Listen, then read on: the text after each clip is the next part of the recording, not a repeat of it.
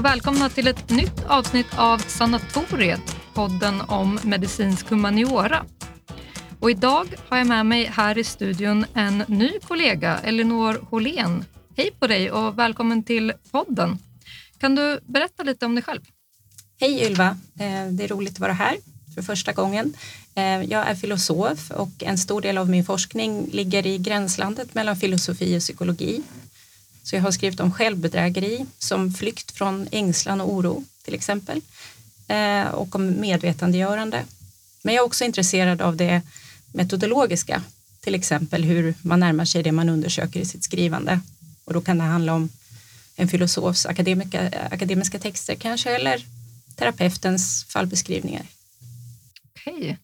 Ja, jag är jätteglad att eh, du är här med oss i poddstudion idag i alla fall, inte minst eftersom du var borta eh, hela förra veckan och vi inte visste om vi skulle kunna podda idag eller inte. Men nu mår du bra, eller? Jag mår bra och eh, det var bra med mig, men min dotter var sjuk så att jag satt i karantän. Okej, ja, hur var det då för din dotter? Hur gick det med covid för henne? Ja, det var mycket lindrigt. Hon hade bara lite lätt snuva i några dagar men vi har levt friluftsliv. Vi har åkt eh, skridskor på en eh, isbelagd åker för att hålla oss på avstånd. Eh, men på vägen till isen någon förmiddag så sa min dotter till mig att jag har ju covid-19 men jag är inte alls sjuk. Så hon fick då förstås positivt svar på antigentestet och bar förstås på smitta men hon måste hålla sig hemma på grund av det. Men annars så var hon ju frisk som en nötkärna. Så du var hemma och vårdade ett eh, ja, friskt men sjukt barn kan man säga. Och där kommer man in lite på det som vi ska prata om idag, alltså vilket mångtydigt uttryck det kan vara att säga att någon är sjuk. Alltså vad är det som det innebär egentligen att någon är sjuk? Är det ens egen upplevelse, hur man känner sig eller kan det vara resultatet av ett medicinskt test som talar om för en person att den är sjuk även fast den kanske inte ens känner av det själv? Eller på vilka andra sätt så kan man definiera sjukdom eller ohälsa då, eller fastställa det.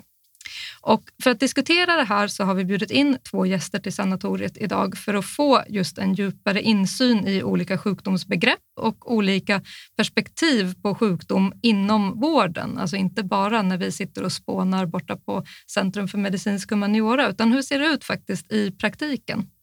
Eh, så hur talar man om sjukdom och ohälsa inom vården? Och genom de gästerna som vi har idag så hoppas vi på att få en insyn i vad det innebär att faktiskt bemöta patienten utifrån olika syn på hälsa och ohälsa. Så med oss har vi Johan Bengtsson som är ST-läkare i psykiatri vid landstinget här i Uppsala län. Och så har vi också Karl Sjöström som är specialist i psykiatri och rehabiliteringsmedicin och överläkare på Sandvikens sjukhus. Så välkomna till sanatoriet båda två. Tack. Tack så mycket. Jag tänkte börja med dig Johan. Vi har ju bjudit in dig för att vi vet att du intresserar dig för och också undervisar om olika sjukdomsbegrepp, eller hur? Ja, det stämmer. Eh, så är det. Jag har undervisat eh, på lite olika sammanhang om, om det. Ehm, och eh, framförallt för läkarstudenter.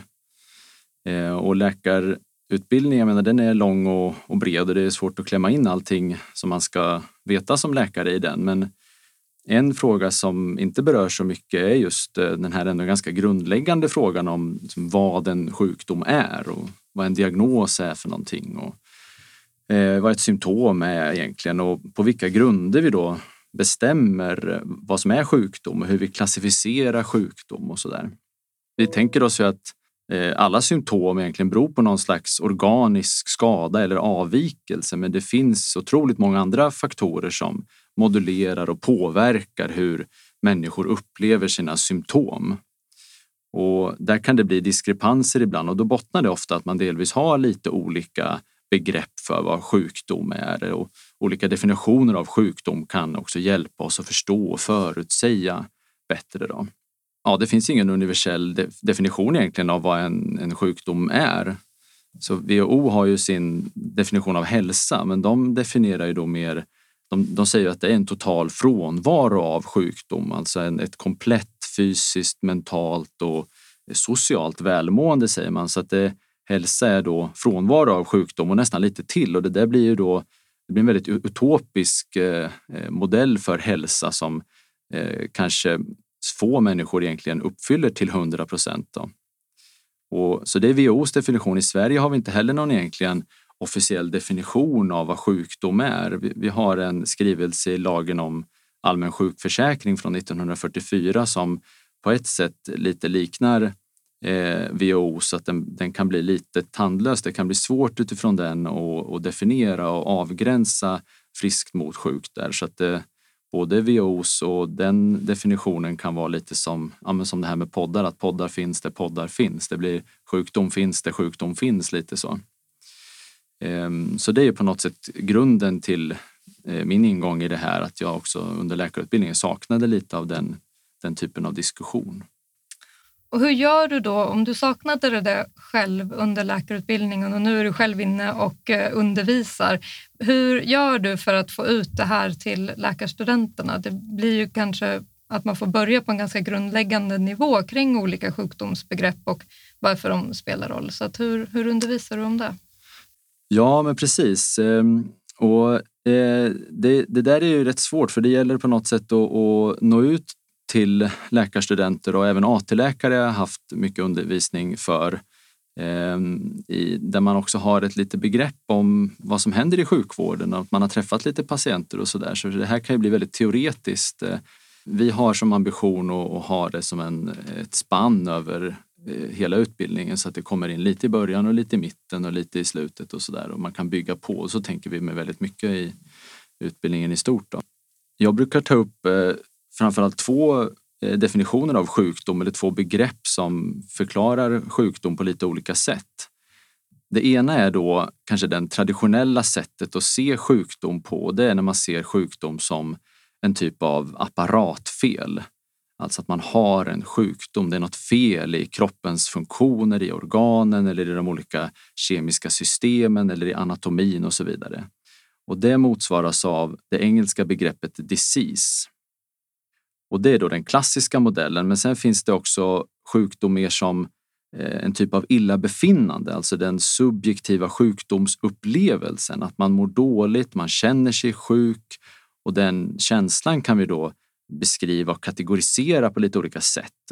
Eh, och jag ska förklara dem lite mer, men jag tyckte ditt exempel med din dotter där var ju eh, klockrent på det här just att hon, hon har så att säga en disease, eh, covid-19, bevisat med ett eh, väldigt eh, specifikt test för det. Men hon kände sig inte särskilt sjuk där.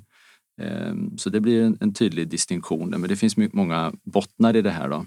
Och då hade hon alltså disease men inte illness, är det så det funkar? Ja, lite grovt i just det här fallet så kan man säga så. Och det kan vara tvärtom också, så där. vi kan komma till det.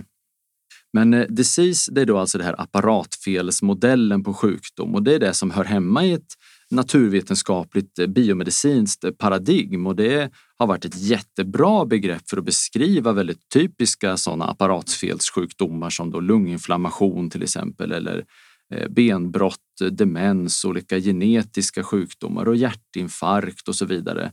De här klassiska sjukdomarna så att säga som alla förstår att man menar att det här är en sjukdom, man har en sjukdom. Och det här begreppet och den här modellen har ju fått oss att göra väldigt stora framsteg inom medicinen. Och man ser de här sjukdomarna ungefär som grundämnena i periodiska systemet, alltså att de är lika naturligt klassificerade. De finns där från början och de skulle finnas där oavsett om historien upprepade sig hundra gånger om och skulle yttra sig på samma sätt. Och vår uppgift blir då att eh, upptäcka, beskriva, förstå och behandla de här sjukdomarna. Och patienterna är då mer som objekt som drabbas av en sjukdom. Och då ett sånt här ganska väldefinierade och avgränsade sjukdomar som har just ett anatomiskt eller fysiologiskt underlag i varje individ. De har ju då en hög grad av generaliserbarhet, alltså de är ganska oberoende av i vilken kontext, i vilken kultur eller i vilken tid de uppträder. Och det råder då också eh, mer konsensus kring eh, de här sjukdomarna, både inom det medicinska etablissemanget över hela världen.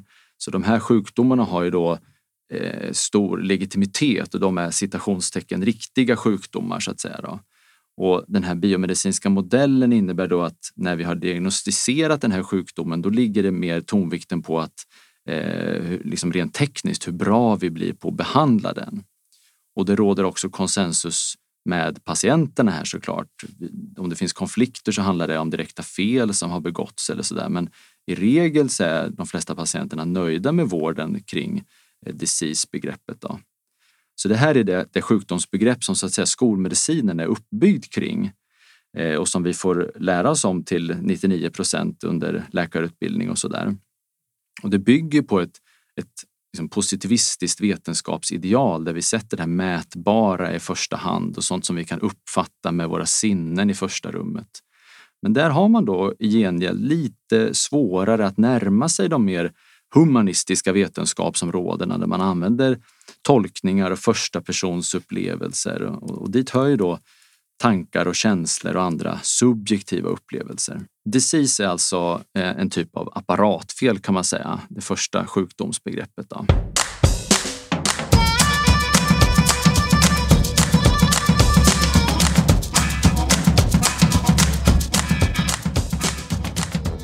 Men sen har vi också illness. Illness är då den subjektiva upplevelsen av sjukdom. Så människor kommer ju i regel inte i kontakt med sjukvården med sina sjukdomar, utan de kommer oftast med besvär eller symptom, att man inte mår bra helt enkelt. Och det är det som är illness. Det beror såklart lite på var i sjukvården man dyker upp och var man befinner sig. Men om vi tänker oss en primärvårdskontext eller någon eh, specialistmottagning eller något liknande.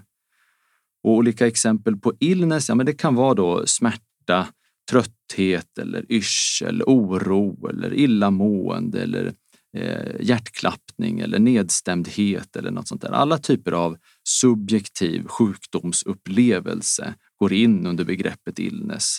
Och den tar sig ju då uttryck eh, lite olika i olika individer. Och där har vi då per definition så att säga inte några objektiva mätinstrument eller tester som kan kvantifiera de här symptomen och är väl tveksamt om vi någonsin kommer att ha det heller.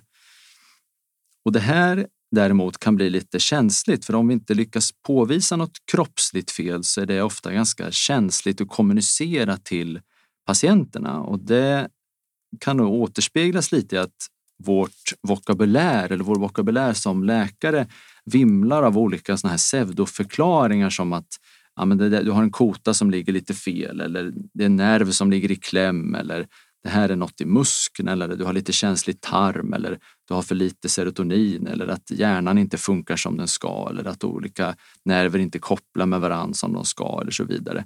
Det är ett sätt att beskriva det här eh, och prata om det här utan att man kanske egentligen har någon direkt täckning eller bevis för det i just det här enskilda fallet. Men det blir ett sätt att förklara då. Och då kan såklart det här den subjektiva sjukdomsupplevelsen illness kan ju såklart orsakas av disease. Om vi tänker oss cancer till exempel så är ju cancer en typisk sån apparatfelssjukdom, en disease. Men eh, den smärtan som cancern orsakar eller det, den, det illamåendet eller den nedstämdheten eller vad det nu kan vara, det är mer illness. Då. Så att illness och disease eh, hela tiden i interaktion med varandra i ett liksom intrikat nätverk av orsak och verkan där. Men det viktiga att komma ihåg här är just det att det finns illness där vi inte hittar någon disease hur vi än letar och där blir det ofta lite problematiskt. För illness, illness är ju också mycket mer kontextberoende, alltså den, den subjektiva upplevelsen påverkas inte bara av eh, disease, alltså då apparatfelssjukdomar, utan mycket också då på grund, alltså det påverkas mer också av tidsanda och normer, värderingar, olika föreställningar i samhället och hotbilder och förkunskaper, olika psykosociala faktorer, arbete, familj och socialt nätverk och så vidare. Och därför har det också då låg generaliserbarhet till skillnad från disease, det vill säga det skiljer sig mycket mellan olika populationer av människor hur man formulerar de här besvären och hur de tar sig uttryck. Eh, det skiljer sig mycket mer mellan både olika kulturer och mellan olika tidsepoker. Då. Och eftersom det är just subjektiva upplevelser vi pratar om här så kan de som sagt inte mätas och objektifieras på något tillförlitligt sätt och då har det också, de har också lägre status vid forskning inom det här biomedicinska paradigmet. Så det råder också låg konsensus kring de här tillstånden som domineras av illness. Och det kan också råda låg konsensus med patienterna här.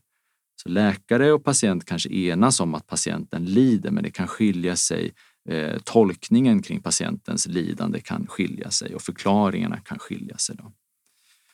Och sådana här eventuella biomedicinska fynd man gör vid illness, det är ofta fynd som går, eller det, det är sällan fynd som går att eh, använda diagnostiskt eller sådär, utan det är oftare fynd på gruppnivå i, i forskningsstudier eller så presenterar patienten symptom som inte står i proportion till vissa avvikelser och man hittar inte samband mellan eh, de symptom som presenteras och de eventuella fynd eller avvikelser man gör. Då.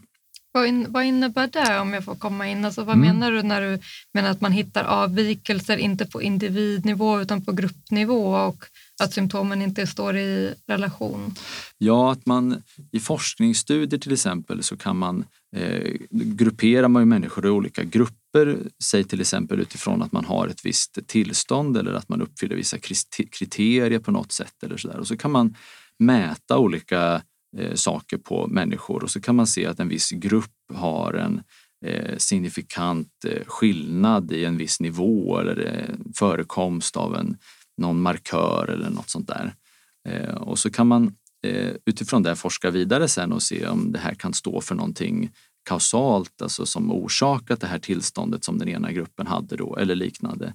Och på sådana gruppfynd så kan man göra eh, Eh, väldigt många olika gruppfynd mellan grupper. Men, men om man ska hitta någonting som på ett eh, tillförlitligt och giltigt sätt eh, särskiljer två grupper, då behöver man också markörer som liksom på individnivå kan fungera eh, för att kunna förutsäga eh, utvecklandet av ett visst tillstånd eller att man har en viss diagnos eller att man, hur man svarar på en viss behandling till exempel. Och sådär.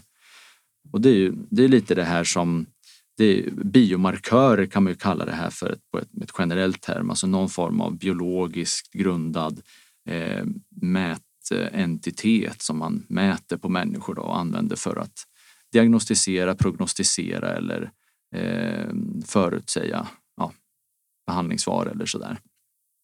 Och det, det är en väldigt vanlig företeelse inom psykiatrin. Alltså det är ju väldigt mycket av psykiatrins eh, heliga graal så att säga, att hitta biomarkörer för olika tillstånd. Och det har man ju velat göra i snart eh, 100-150 år nästan och väldigt mycket forskning som fortfarande går ut på det. Det kommer sig lite av att vi just inom psykiatrin, om vi tänker oss och går tillbaks till disease och illness lite grann, så jobbar vi ju inom det här området där, där tillstånden ryms under illness egentligen. Vi har inga objektiva verifierbara markörer som vi kan använda inom diagnostik eller sådär. Utan vi bedriver ju diagnostik eh, med hjälp av kriterier och eh, typiska förlopp och karaktäristiska symptom och andra faktorer som kanske ärftlighet eller om, man, om det finns ett missbruk eller ej eller sådär. Och så att här kommer vi in lite på det här som jag tror att vi kommer komma in på sen med ett, ett så kallat biopsykosocialt förhållningssätt. Att inom psykiatrin så är det på något sätt det vi har att förhålla oss till hela tiden. Eh, där vi får väga in alla de här faktorerna för att kunna ja, diagnostisera. Och det är inte egentligen unikt för psykiatrin på något sätt utan alla eh, medicinska specialiteter, och alla läkare hamnar förr eller senare i ett läge där man måste göra avgränsningar gentemot friskt eller sjukt och, och fundera kring när ett visst tillstånd behöver eh, sjukvårdens insatser till exempel och sådär. Och där, jag menar, det är en jättestor fråga i, i primärvården såklart också, men även de olika specialiteterna. Man kan tänka på radiologin, alltså all bilddiagnostik, så är det ofta ganska lätt att skilja på om man, man tar en bild och ser att ett visst ben är brutet eller inte. Men där kan det också finnas gråzoner och man på barn till exempel är det inte lika lätt att se vissa frakturer i brosk och så där just med den bilddiagnostiken och då, eh, då kan det påverka hur bra metoder vi har. Så att ju mer, ju bättre metoder vi har för att upptäcka fel, desto mer upptäcker vi då också. Men då kommer frågan, är det här en, en relevant upptäckt så att säga? Står det här för någon eh, egentlig eh, sjuklig process eller har det här funnits här hos en massa normala individer alltid, bara att vi nu kan se det? Så där skulle det kunna vara applicerbart. En annan sån där exempel är ju prostatacancerscreening brukar komma upp som diskussion också, att man hittar väldigt mycket cellförändringar då som aldrig egentligen kanske ger, eh, gör individen sjuk i den bemärkelsen. Men, men just själva cellförändringen i sig skulle vi definiera som sjukdom. Um, men eh, och så alla riskfaktorer så här, alltså högt blodtryck är sånt här också som man eh, definierar och, utifrån mer framtida sjuklighet eller risk för framtida sjuklighet och, och död. Men det finns ju inget sådär eh, biologiskt bestämt att precis vid just den här gränsen som vi har bestämt utifrån eh, studier så, så går det en, en, gräns för vem som har högt blodtryck och vem som inte har det. Så det, det, det är på något sätt att vi har bestämt att det här är en en sjukdom i en viss nivå. Innan det är det inte det, men ofta är de här skalorna ganska flytande och glidande också. Då. Vi, vi står inför utmaningen att dra en gräns där, där det blir relevant på olika sätt. Då. Och det kan vi också återkomma till säkert. Men, eh, men inom psykiatrin, om jag ska återgå till det lite då, så eh, där har vi som sagt mer kriterier för att eh, ställa diagnos och eh, man hoppas på att hitta olika biomarkörer och eh, just vad gäller diagnos av, av psykiska sjukdomar så har man ju eh, nästan lite eh, gått ifrån det på ett sätt eh, för att senaste diagnosmanualen som kom för en tio år sedan ungefär, där var ambitionen att man ville väga in mer ny forskning och att väga in mer av biomarkörer för diagnostik och så. Men det, det finns inte tillräckligt med eh, bra forskning på det för att man ska kunna ha det på ett reliabelt och valitt sätt att diagnostisera med biomarkörer inom psykiatrin. Då. Så då har man mer gått till att eh, leta efter biomarkörer för prognos till exempel eller för sannolikheten att man ska svara på en viss eh, behandling eller något sånt där. Då.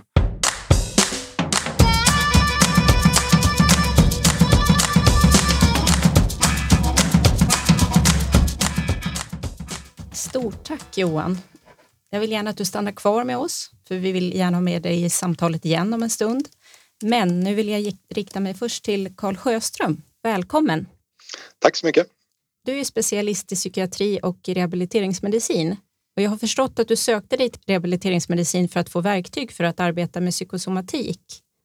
Ja, det stämmer.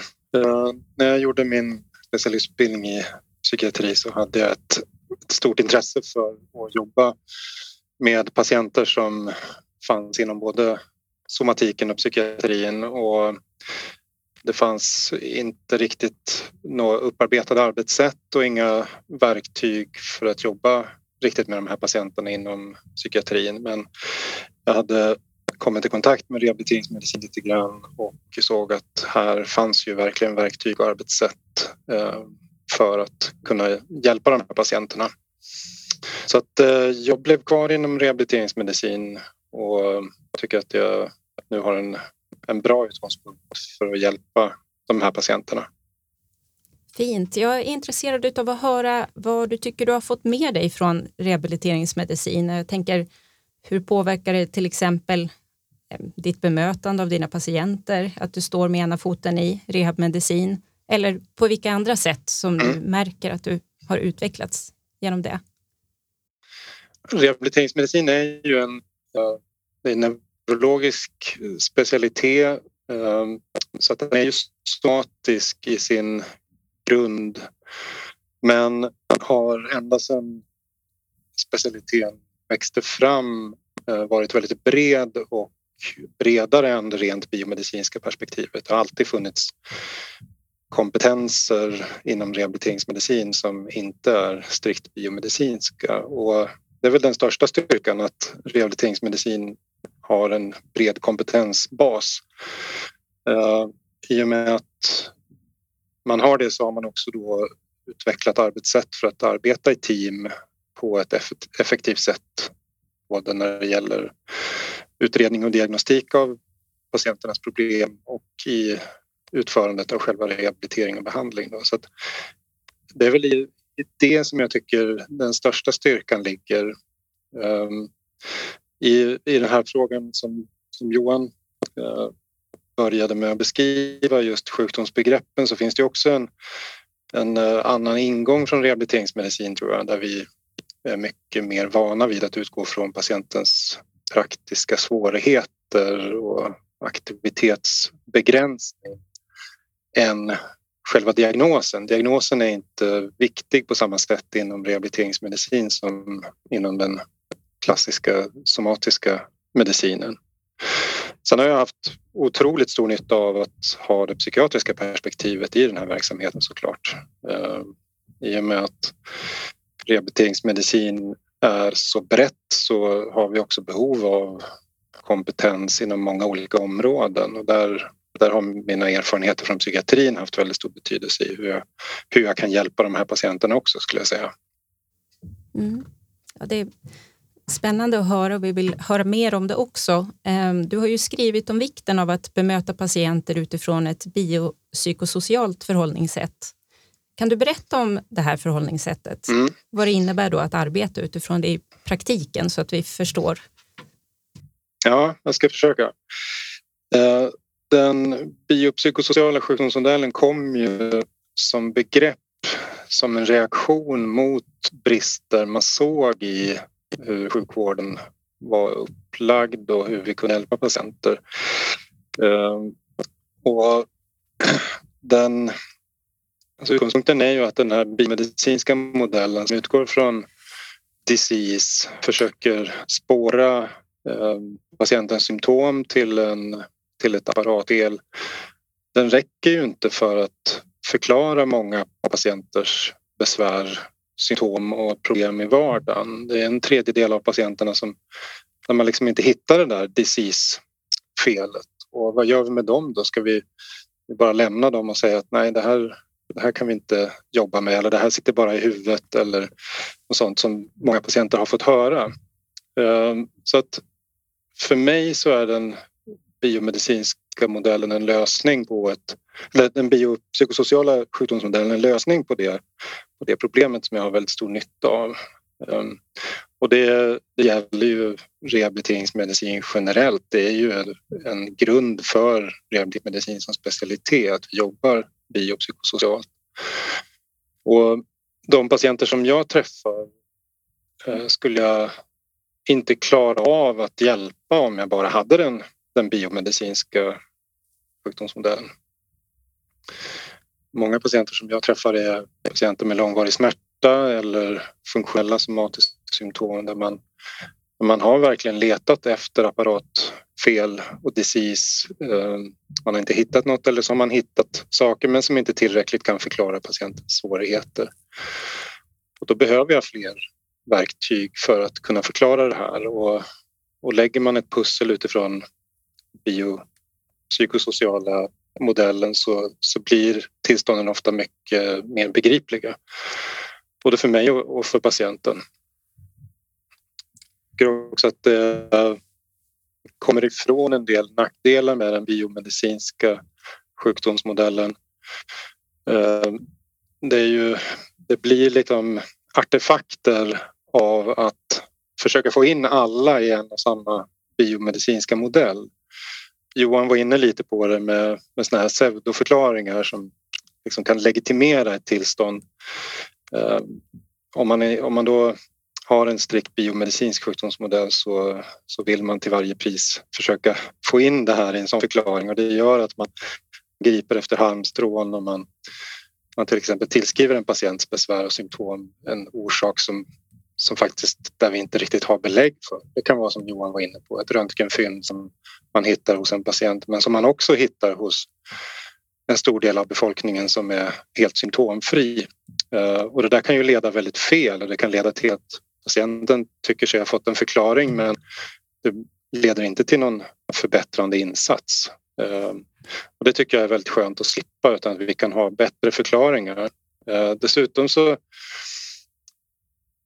är det så att många patienter faktiskt deras egen förväntan är inte att allting ska gå att förklara biomedicinskt. Det där eh, tror jag också kan vara en liten förutfattad mening många läkare har. Att förväntar sig att patienten alltid vill ha en strikt biomedicinsk förklaring. Min erfarenhet är att patienterna själva tycker att de får en bättre förklaring, rikare och mer begriplig förklaring om man också blandar in psykosociala faktorer eh, för att, för att förstå varför man mår som man gör och varför livet inte fungerar.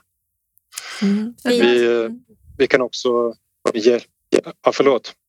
Det där tycker jag låter jätteintressant för den förutfattade meningen har nog jag att jag tror att patienter vill ha ett kroppsligt fel, att det ofta finns den förväntningen när man kommer till läkaren att man ska kunna hitta just en sån här tydlig biomarkör som, eh, som Johan pratar om. Och att det också handlar om mycket att det finns ett stigma kring om man inte kan hitta det här kroppsliga felet och det kan utlösa en väldig frustration. Alltså att man som patient inte vill höra någonting från läkare som låter i stil med att du inbillar dig eller du gnäller eller sådär. Men du menar alltså att det går att hitta vägar att kommunicera med patienter utan att komma in på det området där det känns stigmatiserande eller nedsättande? Verkligen.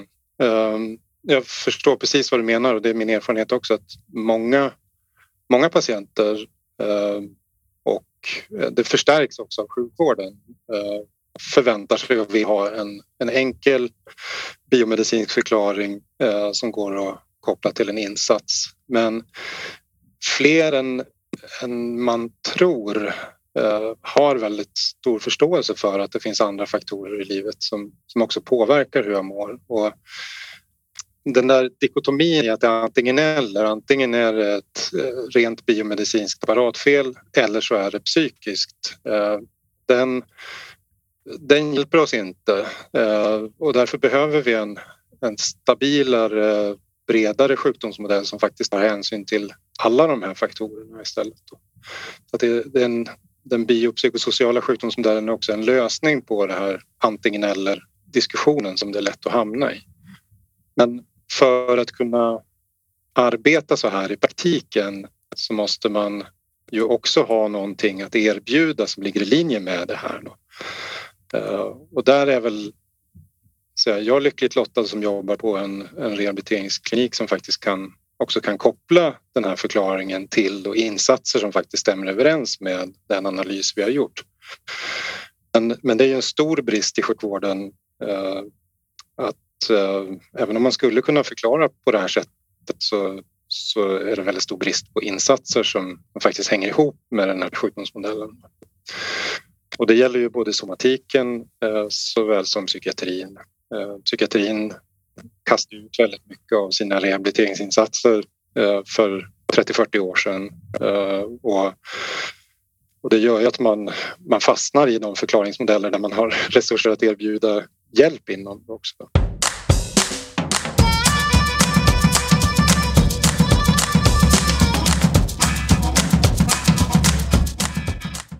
Ja, Karl, ehm, jag har sett när jag har läst lite av det som har skrivits eh, i media att du framhåller det här med att arbeta i team. Jag blir intresserad av att höra vilka kan ingå i de teamen? Med, med vilka andra specialiteter har du arbetat och kanske hur också? Ja, eh, rehabiliteringsmedicin som sagt är en specialitet där teamet är säga, det grundläggande arbetsverktyget. Vi skulle inte kunna lösa de problem vi löser om vi inte också var väldigt duktiga på att, att arbeta i team. Då, därför att det är en, det är en specifik kompetens att bedriva sjukvård i form av teamarbete. Och det finns ju många olika slags team. Det finns ju mycket teorier kring just teamarbete men jag har mest erfarenhet av att arbeta i det som kallas för interdisciplinära team. Det är team bestående av olika yrkeskategorier men där själva utförandet i arbetet överlappar till viss del så att man kan ha gemensamma mål med en patient men arbeta eh, för att hjälpa patienten att nå det målet eh, från lite olika håll. Jag jobbar ju på en eh, klinik som har både neurologisk rehabilitering, alltså vid neurologiska sjukdomar och skador, men också mycket smärtrehabilitering. Och i till exempel vårt smärtrehabiliteringsteam så är vi ju då läkare med lite olika specialiteter, både psykiatri och rehabiliteringsmedicin och allmänmedicin. Ehm, vi är fysioterapeut, arbetsterapeut, psykolog, kurator, sjuksköterska och idrottsledare som är en, en idrottspedagog. Ehm, I andra team på kliniken så har vi lite andra kompetenser men, men det är ju ja, som, ni, som ni hör ehm, klassiska sjukvårdsyrken egentligen. Vi har inte någon, någon präst eller filosof eller litteraturvetare eller sånt i våra team. Det är väldigt mm. intressanta tankar om man, om man ska vidga det här biopsykosociala sjukdomsbegreppet något så kan man ju kan man också tänka så att uh, det kanske, kanske är dags för sjukvården att också ta in andra kompetenser. Um, Mm. Men det, det, är de erfarenheterna jag har att eh, jobba i de här teamen. Mm. Jätteintressant och som du tar upp och som hörs redan i liksom begreppet biopsykosocial så är det ju ett helhetsgrepp om hälsa och ohälsa, hur man kan jobba, mm. som framstår väldigt positiv. Jag var inne lite grann själv på de här tankarna, på det som du precis tog upp då, att förväntningarna stiger ju med ett sånt här begrepp där så många olika perspektiv redan är involverade.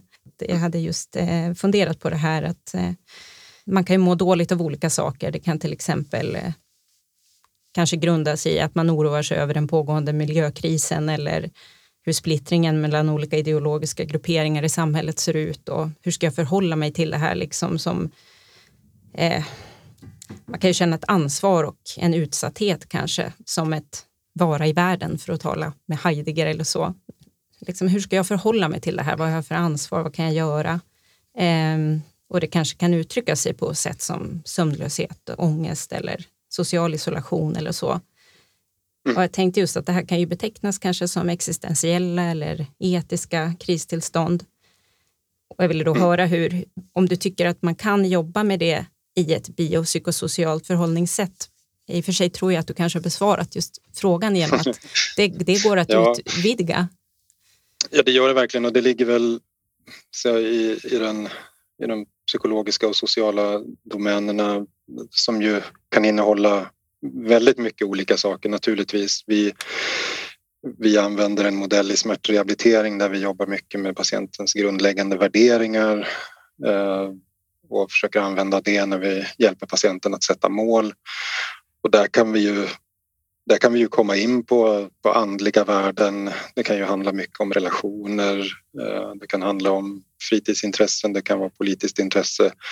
Många olika saker som kommer in där. Sen rent kompetensmässigt så har vi i, i våra team inte, inte några, några sådana kompetenser eh, representerade men frågorna skulle jag säga att vi ändå eh, tangerar och, och, ibland faktiskt jobbar rent praktiskt med att till exempel hjälpa patienten att utvidga sina sociala aktiviteter, att återgå till intressen man har haft eh, och att ja, då med våra kompetenser faktiskt göra det möjligt för patienten att återgå till att kunna spela sitt instrument eller eh, gå i kyrkan eller någonting som, som fyller en, en viktig funktion för patienten.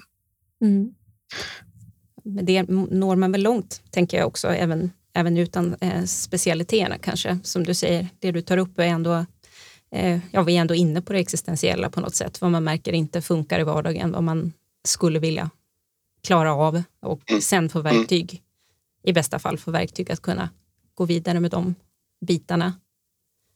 Mm.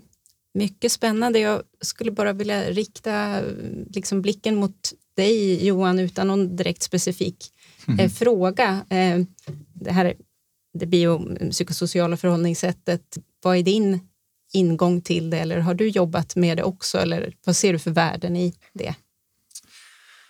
Um, ja, nej men, eh, som eh, Karl eh, beskriver här så är det ju kanske inom rehabmedicin och, och kanske inom neurologin ibland med funktionella tillstånd och sådär, så där man har liksom som mest utväxling av det här förhållningssättet på något sätt också där man eh, behöver komma tillbaks i funktion efter någon händelse eller en skada eller vad det kan vara. Och där kan man ju på ett ganska konkret och praktiskt sätt eh, eh jobba med patienterna utifrån ett sånt här biopsykosocialt förhållningssätt och det kan Karl säkert ta, mycket, berätta mycket mer levande och erfarenhetsmässigt av. Men om man tänker rent teoretiskt så i den här modellen brukar man kunna dela upp olika Eh, faktorer i då eh, ut, alltså predisponerande faktorer, alltså sånt som individen på något sätt har med sig från början innan en händelse eller en skada eller en sjukdom eller vad det kan vara. Och sen så utlösande faktorer eh, som kan vara olika saker och sen även upprätthållande faktorer, alltså sådana faktorer som gör att tillståndet eh, fortsätter. Och så kan man utifrån de här tre huvudspalterna, kolumnerna, titta på det utifrån både då biologiska faktorer, psykologiska faktorer, sociala faktorer eller också sjukvårdens eget eh, samspel i det här. Hur sjukvården i sig kan såklart eh, förhoppningsvis lindra och förbättra men kanske också ibland bidra till att ett visst eh, tillstånd eh, blir, utvecklas och blir mer kroniskt och sådär. Och det kan vara brist på kontinuitet mellan läkare till exempel, att eh, man inte får ha sin vårdcentralsläkare eh, kvar eller sådär och att man eh, valsas runt inom vården och sådär utan att någon tar ett helhetsgrepp till exempel. Det är sådana faktorer som kan, där sjukvården kan vara med och spela roll. Men, eh, men på det sättet så får man liksom en, eh, en tabell eller ett fält där man kan då väga in till exempel ja, men biologiska faktorer, alltså genetiska faktorer, befintlig sjukdom och ärftlighet och sådär. Eh, tillsammans med eh, psykologiska faktorer som eh, hur, hur, bra man är på att hantera eh, olika eh, liksom motgångar. Vi har olika psykologiska förutsättningar i livet helt enkelt, alltså copingstrategier eller hur man hanterar det här om man inte blir trodd hur man, att man inte blir tagen på allvar är en väldigt stark eh, liksom upprätthållande faktor eh, för att liksom, sådana här tillstånd ska bli kroniska. Då. Men även sociala faktorer såklart. Vi nämnde missbruk förut eller eh, utsatthet, utsatta ekonomiska förhållanden eller konflikter med olika myndigheter. Eller, och internet får man inte glömma bort här också vilka eh, diskurser som förs fram där och hur det kan upprätthålla inom olika grupper och så vidare. Om man tänker då på ett biopsykosocialt förhållningssätt och vi går tillbaka till de här begreppen disease och illness. Mm. Hur förhåller sig de till varandra? Alltså det psykosociala, är det det som är samma sak som illness eller hur ska man tänka där? Eh, nej, det kanske man inte ska göra direkt på det sättet. Alltså, I den traditionella modellen tänker man sig att disease orsakar illness och om vi då behandlar och tar bort disease så försvinner också illness. Men eh, så det blir liksom ett enkelt en, en, en, envägsförhållande där egentligen. Men om man väger in mer av de här andra faktorerna, då får man mer av eh, flera faktorer med liksom pilar mellan alla de här eh, Eh, ringarna av faktorer. Så, där. så att eh, sociala faktorer kan ju påverka både disease och illness till exempel.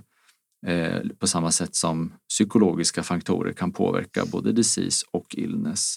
Och då får man mer av eh, överlappande riskfaktorer om man lägger de här på varandra. Så ju mer de överlappar de här olika riskfaktorerna desto högre sannolikhet kan det då vara för att man eh, kanske utvecklar ett mer kroniskt tillstånd till exempel. Så, eh, så att det är inte kanske direkt eh, översättbart på det sättet eh, utan de här sjukdomsbegreppen disease och illness handlar mer om hur vi just ser på sjukdom och hur vi klassificerar det medan den biopsykosociala modellen är mer av ett eh, eh praktiskt också verktyg lite grann för att, jobba med de här två olika begreppen. Och den modellen inkorporerar illnessbegreppet eh, mer eh, på ett naturligare sätt i sitt eh, arbetssätt skulle jag vilja säga. Mm, Okej, okay. så att man kan ju säga att psykosociala faktorer, hur samhället ser ut, hur mitt liv ser ut kan påverka också hur mina organ fungerar och också påverka vilken organfelfunktion som drabbar mig, alltså vilken illness, äh, vilken disease menar jag. Eh, ja, men man kan väl se det så i alla fall att de sociala förhållandena under vilka du lever kan eh, ju såklart påverka eh, vilka sjukdomar du utvecklar. Man tänker sig exponering för olika eh, farliga ämnen till exempel om man är industriarbetare versus om man är akademiker det kommer ju skilja då. Eh, så det skulle kunna vara ett ja, lite stiliserat sånt exempel mm. kanske.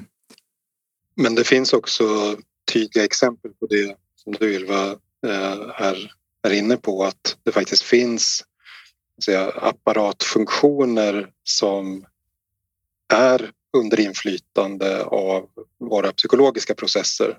Säga, mm. stressmedicin är ju ett sådant område där, där man kan spåra säga, även med biomarkörer eh, förändringar i kroppen som är orsakade av mina psykologiska processer, det vill mm. säga till exempel stress.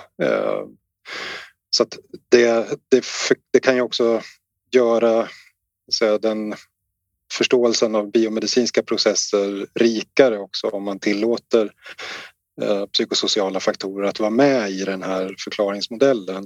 Eh, jag tror att vi, vi, vi får en sannare bild på många håll. Sen finns det naturligtvis många disease-tillstånd där Eh, påverkan från psykologiska faktorer inte alls är lika stark eller lika stor. Men där kan psykologiska faktorer, sociala faktorer ha en viktig betydelse i att förklara hur patienten hanterar det här apparatfelet och vilken funktionsnedsättning och aktivitetsbegränsning patienten får eh, av sin disease. Och där, där vet vi ju från många områden att just patientens egna tankar om sitt tillstånd, sin förståelse av sitt tillstånd, kunskaper och samhällets bild av ett tillstånd har väldigt stor betydelse för hur jag i slutändan mår och kan leva mitt liv och leva i enlighet med mina önskemål och värderingar. Mm. En annan tycker jag, styrka i att vidga den bio, strikt biomedicinska modellen till att även ta hänsyn till psykologiska och sociala faktorer är vid tillstånd som är komplexa och svåra och långvariga där det också finns en känd eller starkt misstänkt koppling till biomedicinska mekanismer. Vi kan ta ett exempel som långvarig trötthet där det som startar den här trötthetssymptomen kan vara en biomedicinsk orsak, till exempel en infektion. Men när infektionen har läkt så vidmakthålls de här symptomen, alltså patientens illness, av faktorer som inte går att hitta i det biomedicinska. Vi kan leta ihjäl oss efter små markörer som skulle tyda på att det finns en pågående avvikelse i det biomedicinska men vi lyckas inte och det är ofta då att man hamnar på den här nivån som Johan var inne på förut att ja, på gruppnivå kan man möjligen hitta avvikelser men, men det är väldigt svårt att göra den här direkta kausalitetskopplingen. Däremot så har vi jättetydliga faktorer finns på det psykologiska eller det sociala planet som faktiskt kan förklara att patienten fortfarande har väldigt stora besvär och symptom av en funktionsnedsättning. Och då, blir ju, då har vi ju lyckats med det vi vill, nämligen att kunna förklara varför patienten mår som den gör. Och vi kanske också till och med kan koppla insatser till den här förklaringen. Som då, där faktiskt insatserna för det här kan ligga på det psykosociala planet Trots att det som egentligen startade alltihopa var biomedicinskt. Mm.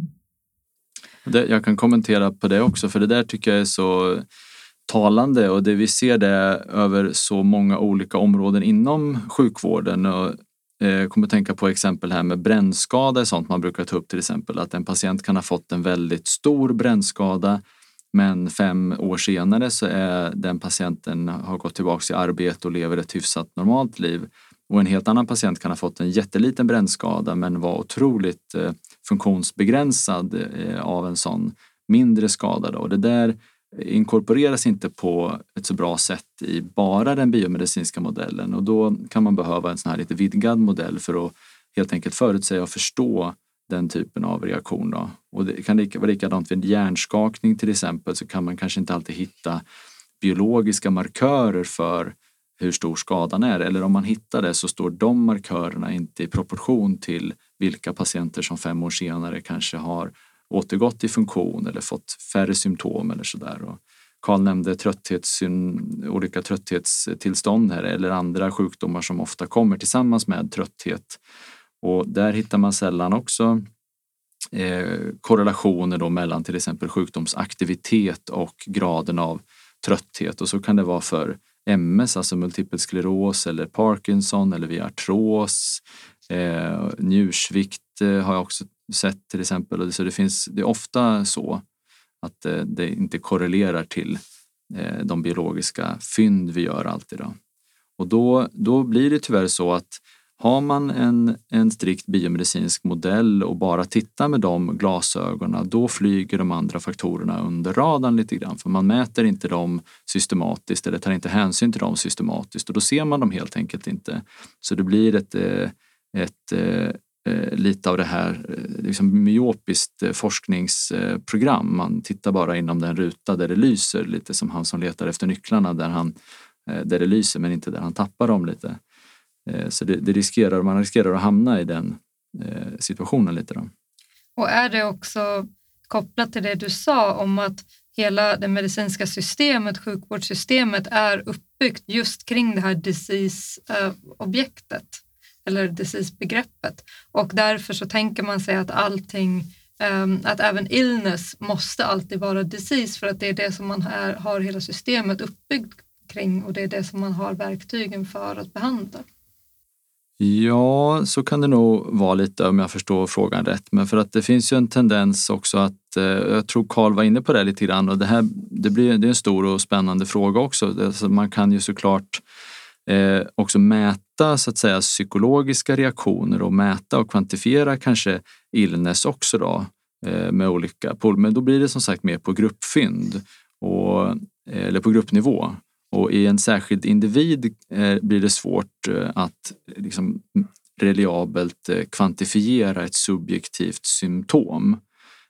Och där hamnar vi mer kanske på ditt område Elinor med filosofin där alltså det är ju en lång filosofisk fråga i vilken grad vi kan liksom objektivt mäta subjektivitet på något sätt. Och det finns ju klassiska sådana skrifter med den här Thomas Nagels fladdermus mm. och man pratar om det explanatory gap liksom mellan att eh, det vi kan mäta och patientens eh, subjektiva eh, upplevelse. Och eh, senast nu är det väl hon, Jonna Bornemark har skrivit om det här med, hon uttrycker det i termer av horisonten finns alltid kvar. Så kommer vi till ett, ett område där vi uppnår vetande så finns det nästa, allt, nästan alltid en till horisont av icke-vetande. Då, så vi kommer liksom inte hela vägen fram. Men det där är en liten annan diskussion, men den kan ju bli relevant för det här också då för att det vi kan mäta är ju det, det kan vara processer som så att säga medierar det här. Det är svårt att, att upprätta en, en kausalitet i de här korrelationerna. Alltså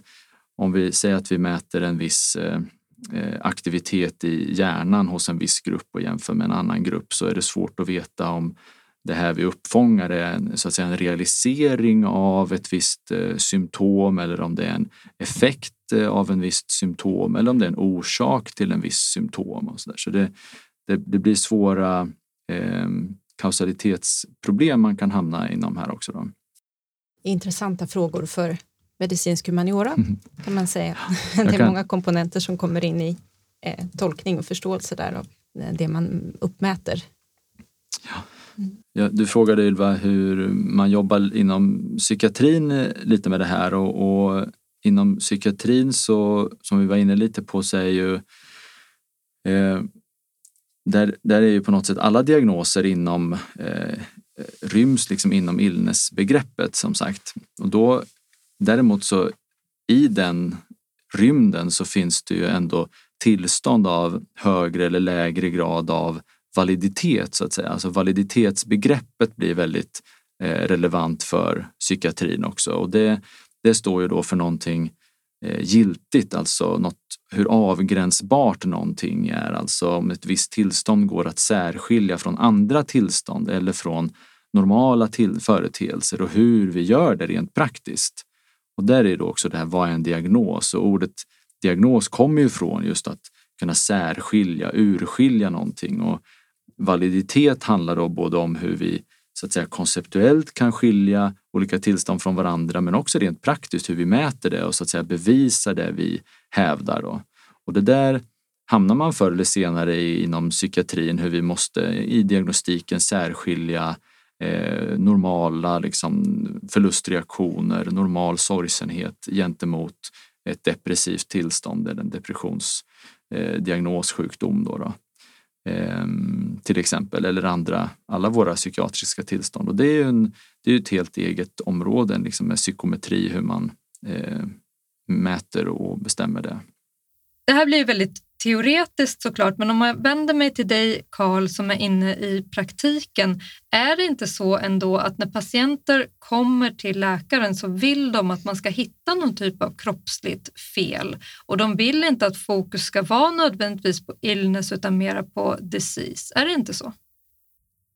Jo, jag tror att det är en förväntan som väldigt många har, men jag vill, vill också nyansera den den bilden utifrån min erfarenhet av att faktiskt hjälpa patienter med en bredare sjukdomsmodell eh, och att det i slutändan blir väldigt bra och patienterna är väldigt nöjda med att ha fått en förklaring som faktiskt rymmer fler delar av, av, eh, av orsaker och inblandade faktorer. Men vi, vi vet ju att det finns eh, diagnoser och grupper av patienter där det finns en stark drivkraft i att man, man vill få en biomedicinsk förklaring och rymmas inom det biomedicinska paradigmet. Och de här grupperna av patienter och det kan vara patientföreningar eller starka företrädare, de, avvisar alla försök till att nyansera bilden eller att eh, komma med andra orsakssamband som vi har varit inne på här. Och eh, jag tror att det där är, det är någonting vi behöver lösa från sjukvårdens sida att vi, vi måste bli bättre på att eh, förklara de här tillstånden, förklara hur vi med hjälp av en bredare sjukdomsmodell faktiskt kan hjälpa patienter så att patienterna inte känner sig avvisade och ifrågasatta eller att vi, vi menar att eh, allting sitter i huvudet eller att man bara inbillar sig eller jaha, så du säger att mina besvär inte är på riktigt och så där. Det, mm. det blir ju det blir ju inte lyckat om vi sänder sådana signaler. Jag tror att vi gör det om vi bara kan hålla oss i det biomedicinska paradigmet och att vi som jobbar inom sjukvården bara är tränade på att förklara tillstånd och symptom utifrån den biomedicinska modellen. Och vi lämnar patienterna med otillräckliga förklaringar mm. Eh, i onödan där jag tror att vi faktiskt skulle kunna ge bra förklaringar. Och det här det är, det är ett arbete som inom vissa områden har kommit ganska långt ändå att med hjälp av nya förklaringsmodeller och begrepp som faktiskt patienterna också accepterar och tycker är bra eh, så kan vi gemensamt hitta förklaringsmodeller. Och jag, jag jobbar mycket med patienter där man säga, inte hittar den där typiska disease eller organskadan eller störningen. Men där vi kan gemensamt använda begreppet en funktionell störning eller ett funktionellt symptom. Och, mm. och ett funktionellt symptom kan man egentligen bara förstå utifrån en biopsykosocial sjukdomsmodell. Men då går det, då går det bra. Då, då kan vi tillsammans liksom hitta en förklaringsmodell och där tror jag att sjukvården har mycket kvar att göra för att, eh, för att kunna möta patienternas behov av förklaringsmodeller där vi, där vi inte bidrar till att vi fastnar i de här skyttegravarna som det lätt kan bli och som vi, vi ser gång på gång uppstår när det, när det kommer nya diagnosformuleringar eller nya eh, avgränsningar av symptom. Nu senast i samband med covid och post-covid och långtids-covid där vi återigen har hamnat i, mm. i de här skyttegravarna lite grann. Verkligen. Och det är där jag tror också att det blir just viktigt att eh, inkorporera de här modellerna och begreppen i Eh, även forskningen och, studera dem på ett mer systematiskt eh, sätt så att man i slutändan kan eh, kommunicera och hjälpa patienterna bättre med det. För annars flyger det som sagt lite under radarn och då missar man att kunna skräddarsy behandlingar så här som man vill göra och man vill ju man vill ju ha precisionsmedicin även här så att säga. Att eh, utifrån den unika individen kunna sätta in de insatser som eh, man tror bäst hjälper just den här personen och det är precis det som det här syftar till. Ja. Så där skulle man kunna säga att medicinsk humaniora kan bidra till en ny sorts precisionsmedicin, kan man säga det? Ja, jo, men eh, det är ju precis här där, eh, nu är det en, en tvärvetenskaplig liksom, podd här, eller det är ett tvärvetenskapligt perspektiv och jag tror att det, det är precis här det, det behövs eh, sånt. Tack så hemskt mycket för det. Stort tack till Johan och Karl för dagens podd. Tack. Tack.